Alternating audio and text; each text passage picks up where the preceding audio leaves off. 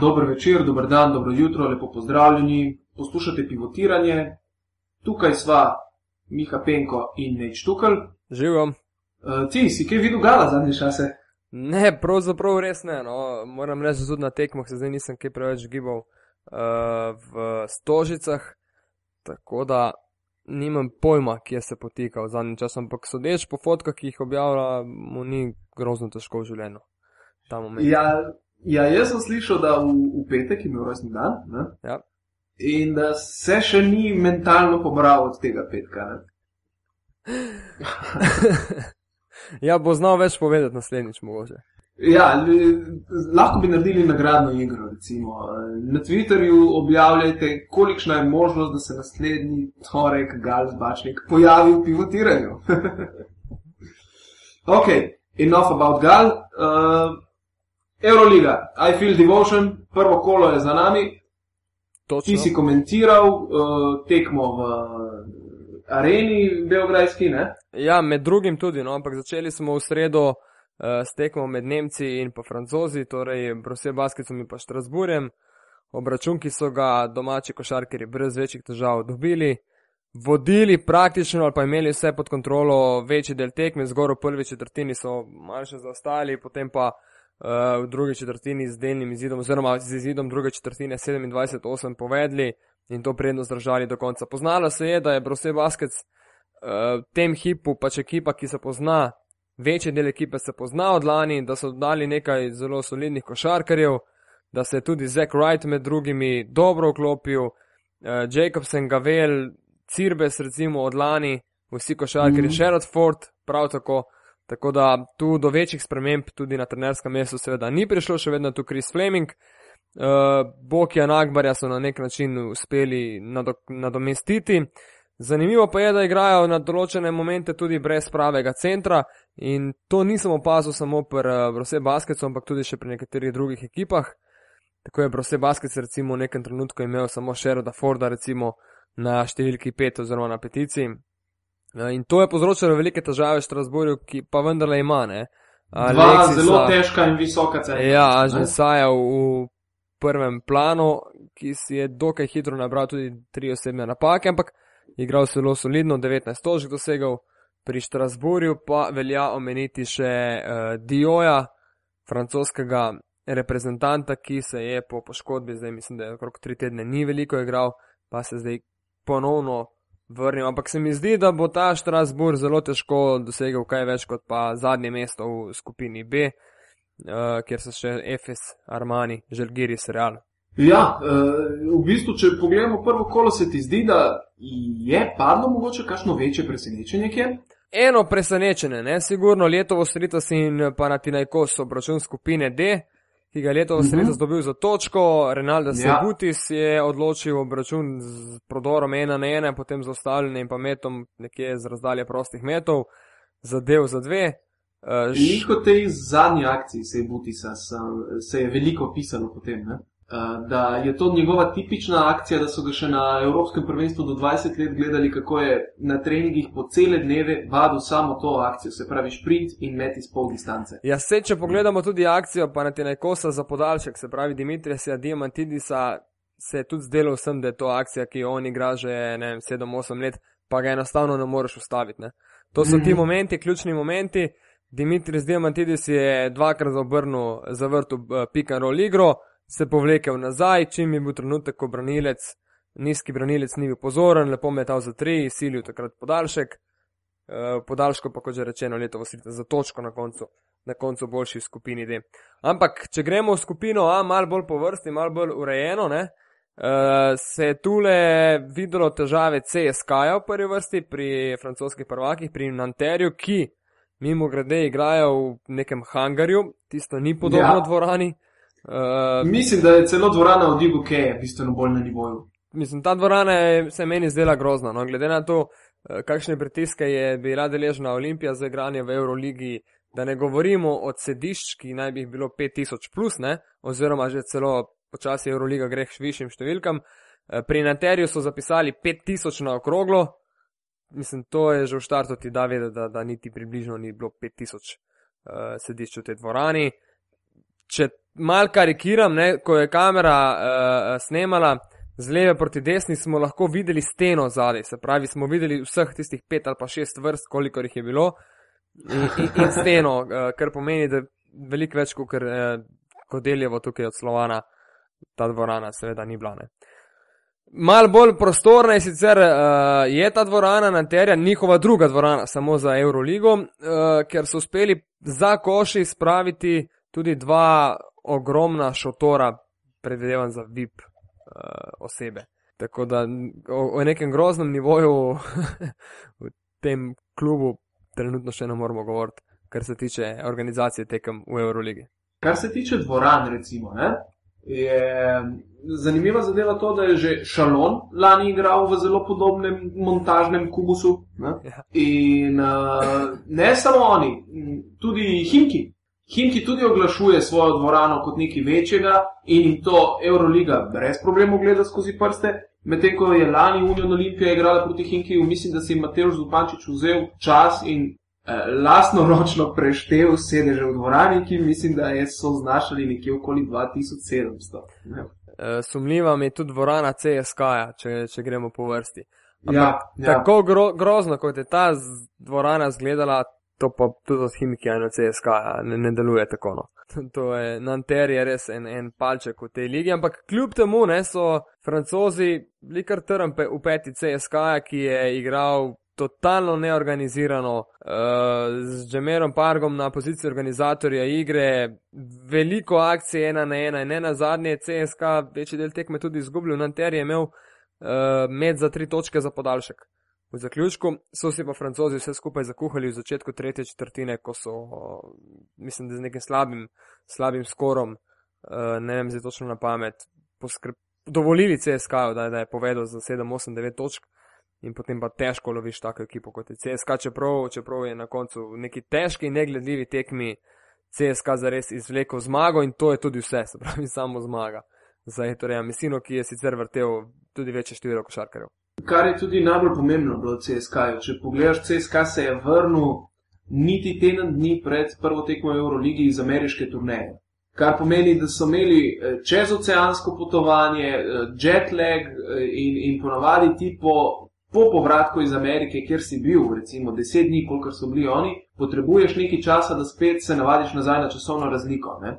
In to je tudi en od faktorjev, ko jih je takrat zelo dobro tepu v sezoni, ko je Duško Jošovič bil trener. Ja, v, sklepnem, v sklepnem času priprav so šli na ameriško turnejo s tem, da je Duško Jošovič vmes še uh, zarotiral tri četrt, uh, uh, bi rekel, rutinirane postave CSK-ja, ki se na uh, letošnje, recimo se od lani ni veliko spremenila. Ne? takrat je pa Duško Vjošovič imel še to, da je popolnoma razbil ekipo, ki je bila in igrala. In, in potem se ti lahko dogajajo take stvari. Tako da v bistvu CSK si lahko to privošči, da je na začetku malo slabši, ker šele potem začne iskati pravo formo. Ja, Vjošovič takrat omenil, da če bo marketing pa sestavljal plan treningov in, in plan tekmovanj oziroma gostovanj, potem pač to tako izgleda. In to se je očitno močno poznalo pri, pri CSK-ju. Mm. Uh, Fenerbahče je opravil svojo nalogo zelo dobro v Ukrajini pri Budivelniku, sicer predvsem po zaslugi zadnje četrtine, ta zmaga Fenerja deluje še toliko uh, bolj uh, rutinirana oziroma visoka, 18 točk. Ni bilo mogoče niti tako lahko, ampak Fenerbahče je prav tako, se pravi Željko Obradovič, je skušal z rotacijo tudi mlajših košarkarjev, ne samo menim, da je Kenan Sipahi, Sipahi ja. začel v prvi peterki pri Fenerbahčeju, ker je seveda izjemen, izjemen uspeh za, za košarkarja, ki je star 18 let, ki ga Fenerbahče šele letos pripeljal v svoje moštvo. Ma... Se veš, kako se je Sipahi prebil v, v ekipo Fenerja?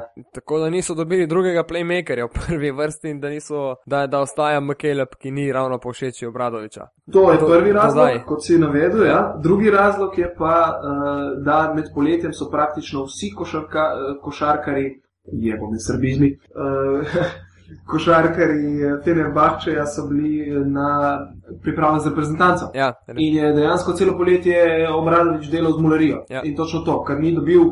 Playmakerja, ki si ga je želel, se je pol na koncu odločil, pač je vega, bom pa delal z mladcem, ki je perspektiven. Ja, sigurno je. Kenan Sipah je bil tudi na uh, All Starju v, v Ljubljani, uh, košarkarju, enih, osem, do, mislim, se pravi 18 letnikov, In edini iz zadnjega prvenstva, iz prve peterke.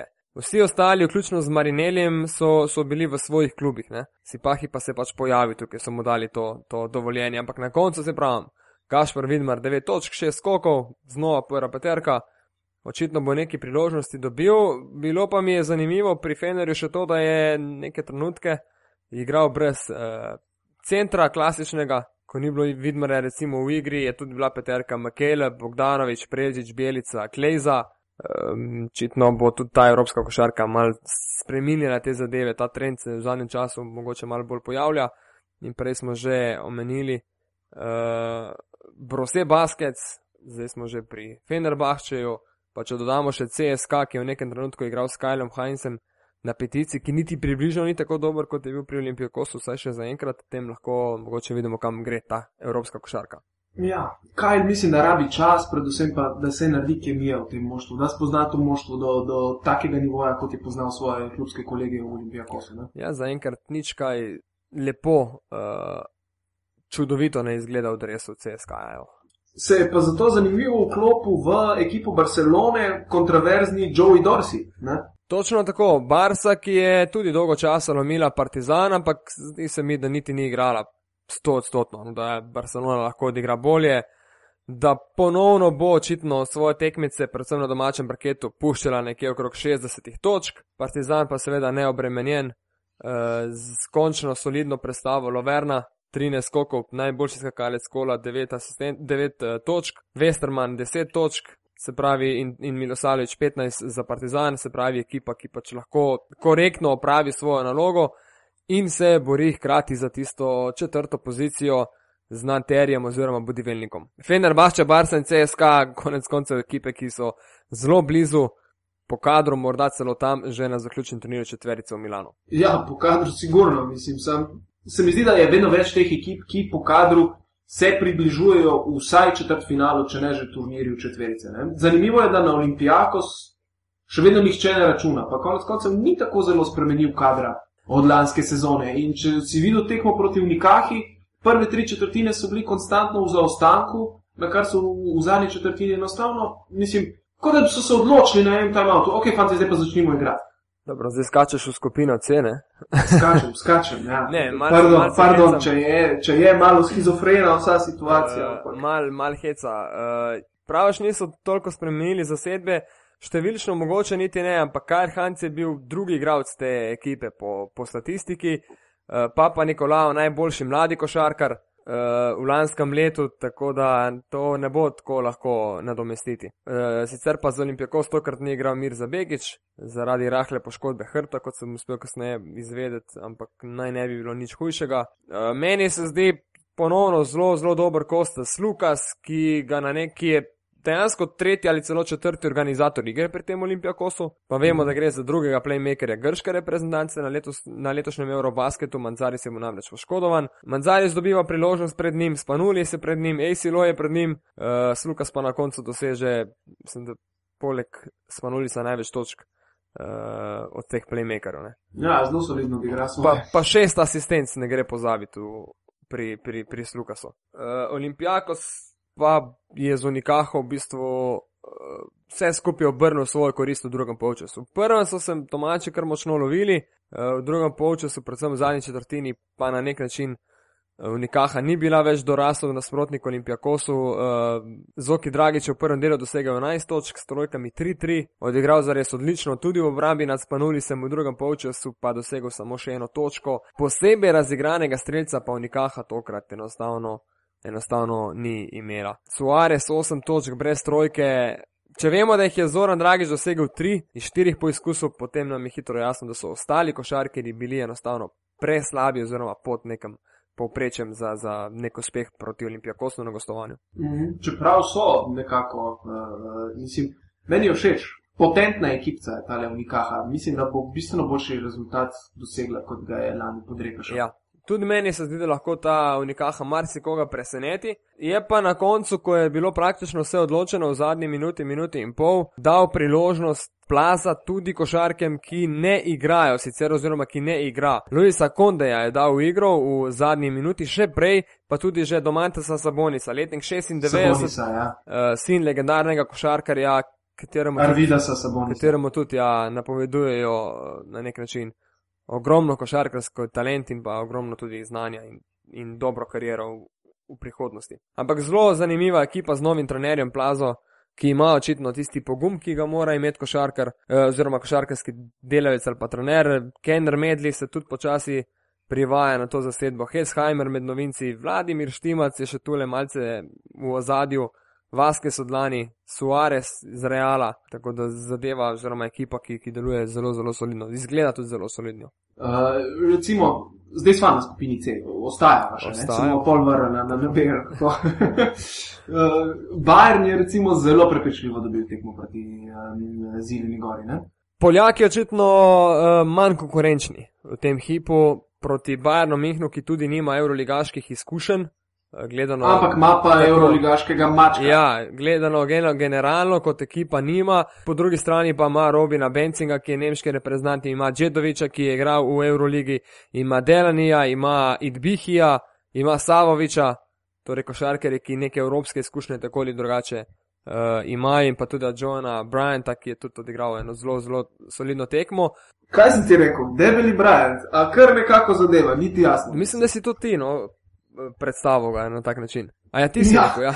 Je pa Trutman odigral zelo dobro tekmo, sem tudi highlights pol mal pogledal tega obračuna, ker uživo mi pač ni uspelo z metom za 2 točke 9-9, 19 točk. Neugoden košarkar, ki igra bliže košu, nima recimo takšne trojke, izrazite trojke pri dveh metrih, ampak eh, je bil zelo neugoden za košarkarje. Uh, Polske, oziroma polskih prvakov. Ampak Zeljene gore, tako ali tako v Euroligi v nadaljevanju, mislim, da ne bomo spremljali, ne glede na to, kaj se bo dogajalo v skupini C, kjer so poleg Olimpijakosa, Unikahe, Stelmeta, Zeljene gore in Barna, sta še Siena in pa Galata Saraj. In. Poljakom na nek način ne napovedujem nekih super rezultatov. Jaz sem si pogledal malo te tekme, uh, Sijena Galatasaray. ne. In, in to je bila taka lepa, ma, skoraj indijanska tekma, no? brez pravih obramb na vsaki strani. Ne? Užitek je bilo gledati. Recimo Daniel Hackett je dosegel koliko? 30 točk ali 27 točk.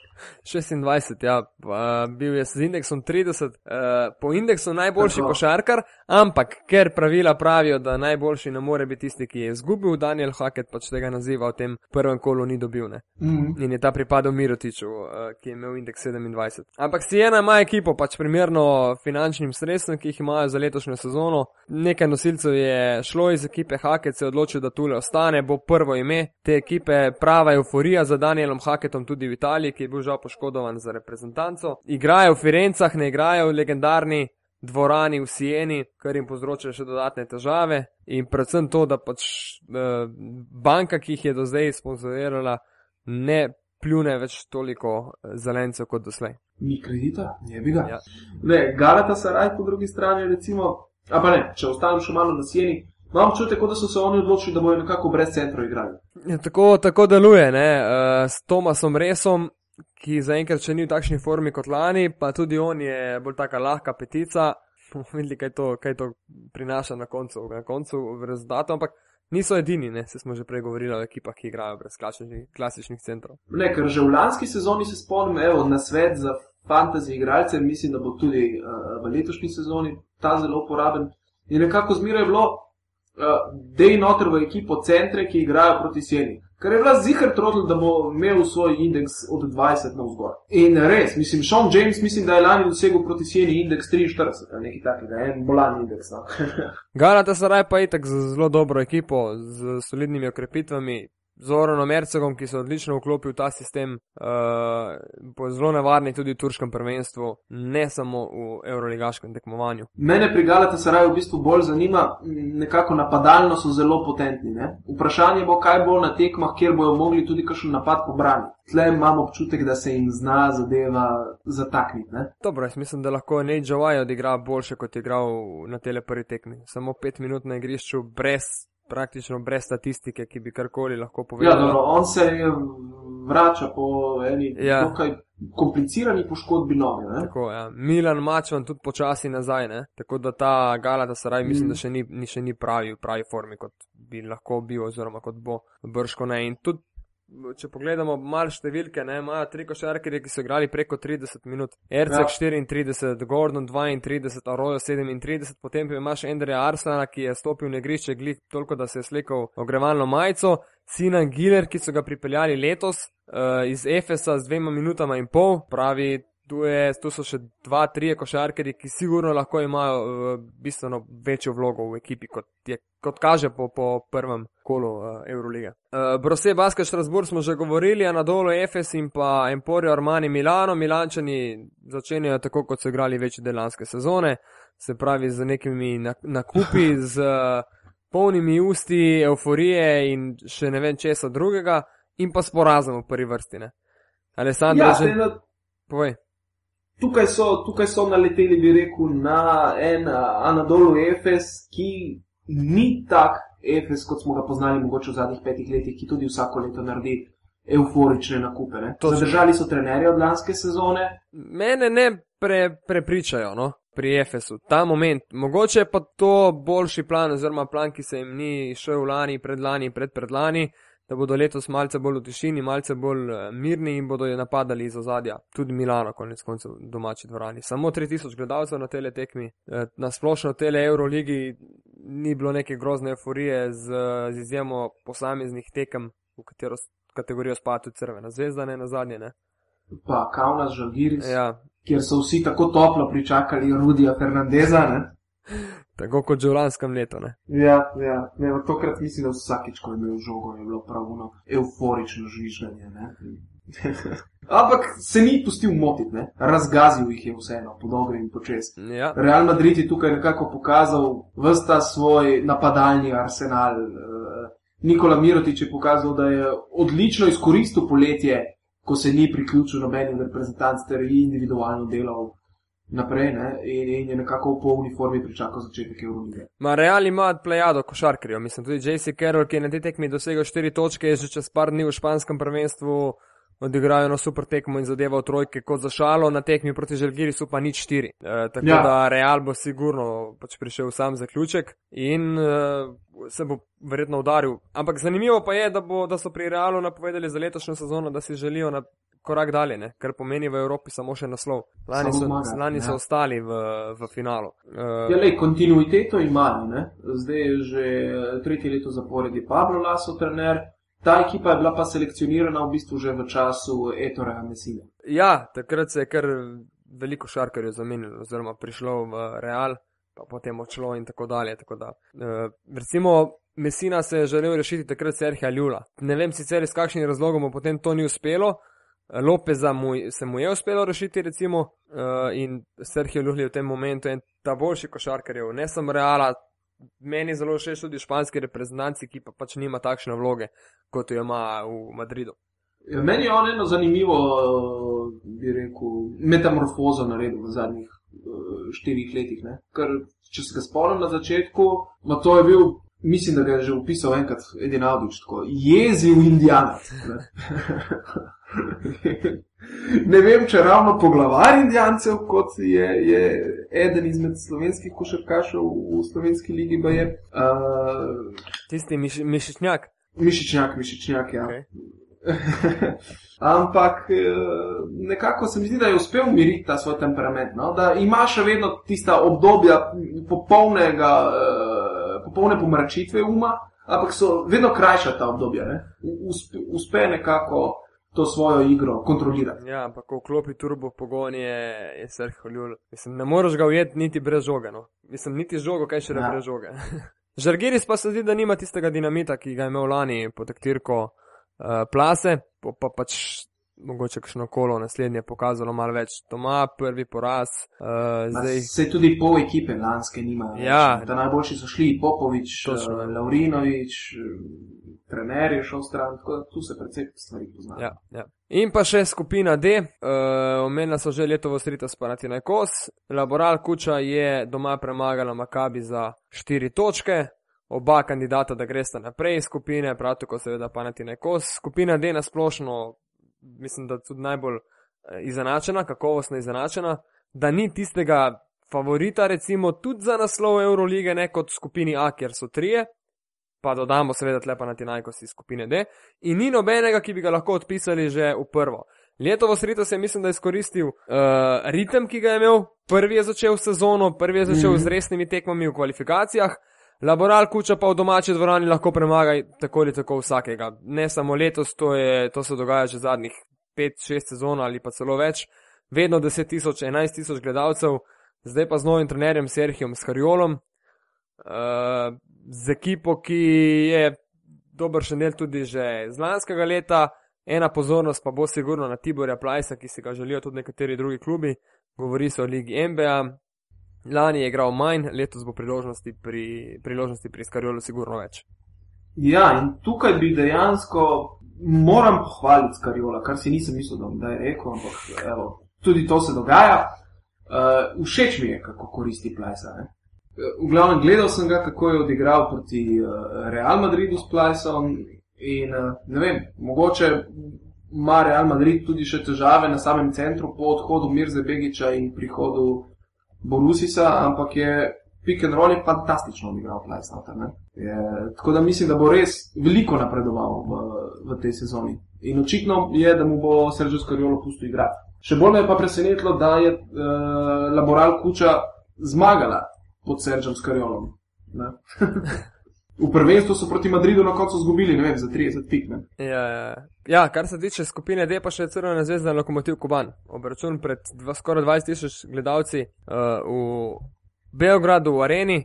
Pionir je bil namreč zaseden, zaseden uh, ni padel nov rekord, kot se je napovedovalo pred tekmo, da se bo porušil rekord iz dvoboja uh, Partizan. Partizan Panathinaikos, Panathinaikos ja. Tako da grobari še vedno držijo ta rekord. Zvezda je imela možnosti, mene presen, so me presenetile neke taktične poteze trenerja Crvene zvezde, Dejana Radoniča, s tem, ko je Branka Laziča. V bistvu še tistih deset minut, ko je igral, je bilo preveč. Jaz sem enostavno je bil Jaka Blažič v tistih momentih, mislim, na tele tekmi meni boljši. No, sicer zelo, zelo pada v, v obrambi na pick and rollu, ne uspeva kriti Jaka, mislim, tu je imel ogromne težave, potem so centri prevzemali, sama zbrka v glavnem. Ampak Branko Lazič je pa napravil korake, enkrat se mu je spodrsnilo, uh, imel je štiri osebne napake, vsaj polovico od teh neumne osebne napake. In kot sem uspel pol prebrati, tudi ostali na nek način gledalci, komentatorji, novinari in tako dalje pisali, da pač se rado nič v ta tekma ni ravno super posrečila. Sploh pa v zaključku mhm. tekme, ko je, bil, vem, ko je bila razlika 7-8 točk za, za lokomotiv, je Zvezda še kar igrala na center, ker je Marjanovič tudi zapravil štiri žoge, ker Raško Katič tudi ni mogel v bistvu dati nekaj iz sebe, konec koncev nekaj časa zdaj tudi ni igral. In uh, ne vem, Blake Shield je konec koncev bil pri 17 točkah, Jaka Blažič je zadev eno trojko, so bile verjetno tudi še druge, še druge variante. Lokomotiv Kuban pa je na čvrsta ekipa z odličnim vodjo Markosom Williamsom, ki je trojke zadeval kot za šalo, po čemer je ne nazadnje tudi znan. E, Reči Hendriks pod košem, tako ali tako blesti, 19 točk, 9 skokov, indeks 26, kaj več iz gostovanja bi si težko želel od centra. In pa potem lepo še mirna roka Simasa Jasajtisa. In je v bistvu. Brown je tudi naredil svoje delo. Ja, ja, absolutno. Ja. In je potem, e, čeprav jaz sem od Browna pričakoval mogoče mal več, no. Ampak glede na to, da je Hendrix tako dobro odigral, potem košarkarje, ki igrate eno poleg drugega na visokih pozicijah, mm, se to malo razporedi vse skupaj. Tako da, ko potegnemo črto, je lokomotiv opravil tisto svoje delo, tako kot je razmišljal o vsem skupaj.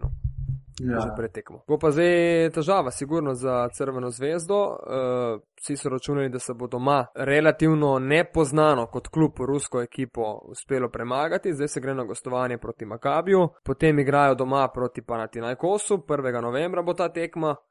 Če bo vse v redu, jo bom spremljal tudi iz Pionirja uh, in prenašal za, za sport klub v živo. Se zdaj nekaj dogovarjamo, tako da bo eh, to ena zelo, zelo lepa tekma, kjer pa mora zveza zdaj iztršiti neko zmago. Potem jih čaka še gostovanje v laboral Kuča v Vitoriji. Uh, tako da nič nenavadnega ne bi bilo, če bi imela zvezda tudi štiri zaporedne poraze, kar pa pomeni, da padec motivacije in verjetno tudi že adijo vse šanse. Smo to že videli pri Olimpiji večkrat, ja. recimo. Ja. Uh, ampak zdaj se nekako bo pokazalo, se mi zdi, kako uh, naša Jadranska liga izgublja kontakt z najvišjimi ekipami v evropski košarki, ki jih je pa vedno več.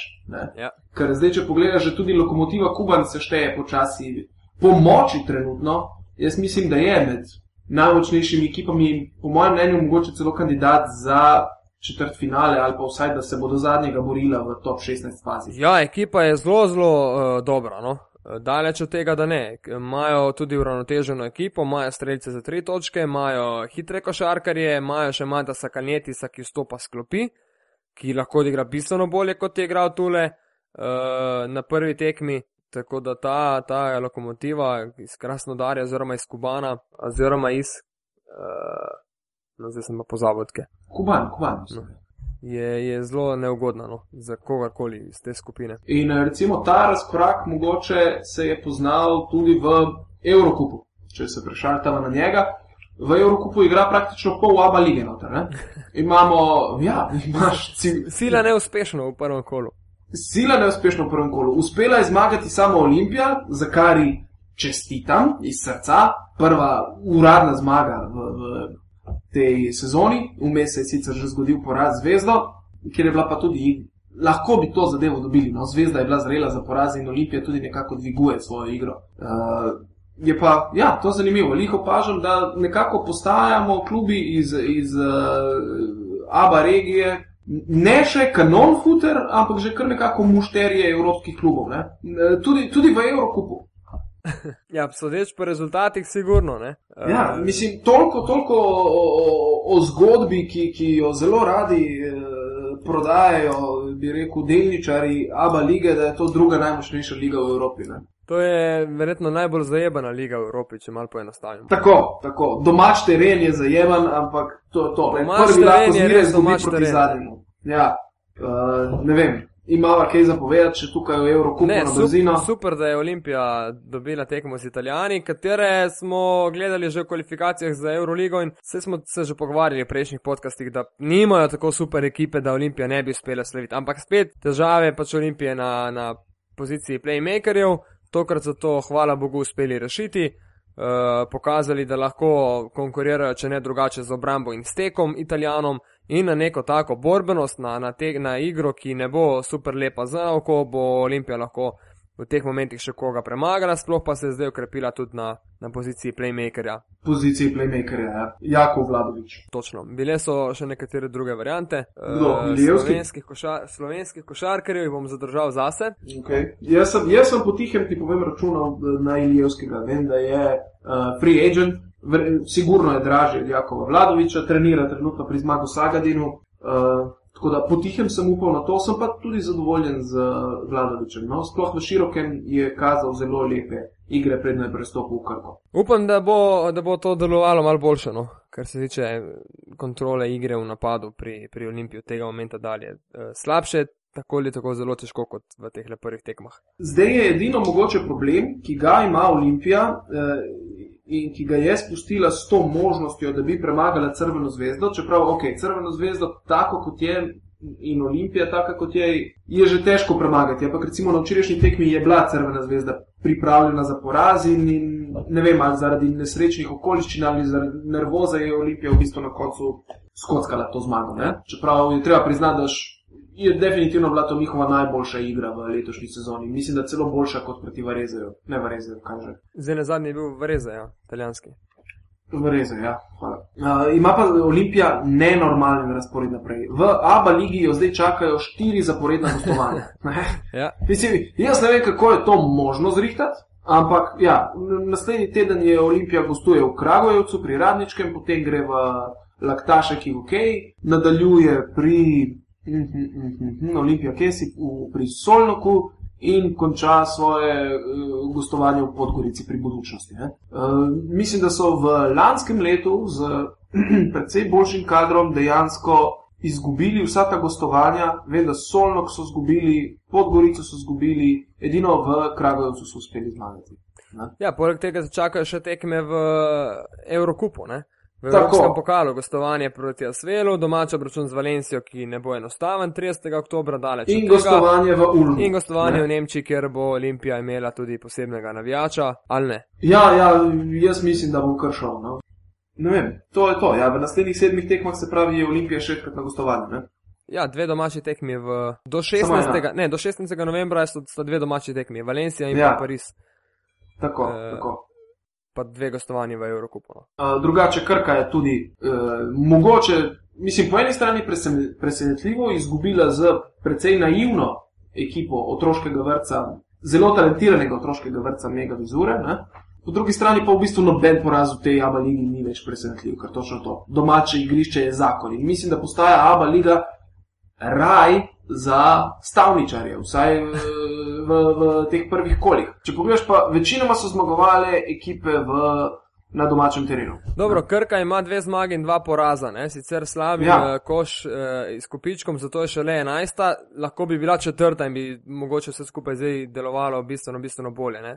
Sivona ima dve zmagi in dva poraza in je na četrtem mestu, se pravi, če bi tu bila Krka, smo, mislim, ne bi se nihče posebej čudil. Uh, dve zmagi in dva poraza, škoda res to proti MZT-ju, po drugi strani se je premagalo Partizana doma, na katerega se ni ravno računalo.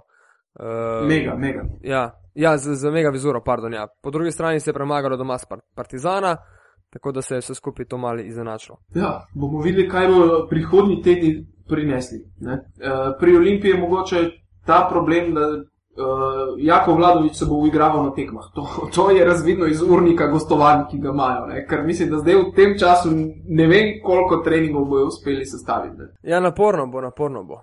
Zato je že z, mislim, da enim treningom ali, ali dvemi takoj odigral tudi proti, eh, 15 minut je igral že proti eh, Crveni zvezdi. Ne?